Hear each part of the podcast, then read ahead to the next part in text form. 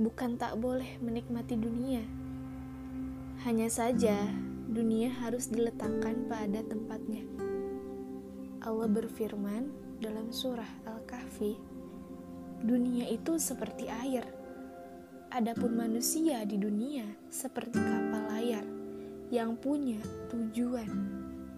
Selama air di bawah kapal, maka kita aman."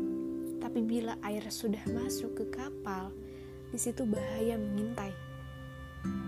Senikmat-nikmatnya air, seindah-indahnya air, ia tak boleh ada di atas kapal. Karenanya Abu Bakar berujar, "Ya Allah, jadikan dunia hanya dalam batas genggaman tangan. Jangan sampai ia masuk ke dalam hati." Dalam genggaman, dunia bisa dimanfaatkan. Bila sudah masuk ke hati, kita yang dimanfaatkan. Memang sulit untuk membedakan adakah kita ini menjadikan dunia sebagai budak kita mencapai ketaatan yang lebih besar, ataukah kita yang sudah diperbudak dunia tanpa sadar.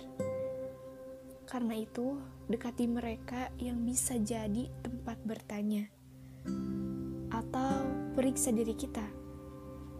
Adakan hitung-hitungan sederhana, apakah dari dunia yang Allah titipkan kepada kita itu lebih banyak untuk kepentingan pribadi kita atau untuk dititipkan di jalan Allah untuk memuliakan agamanya?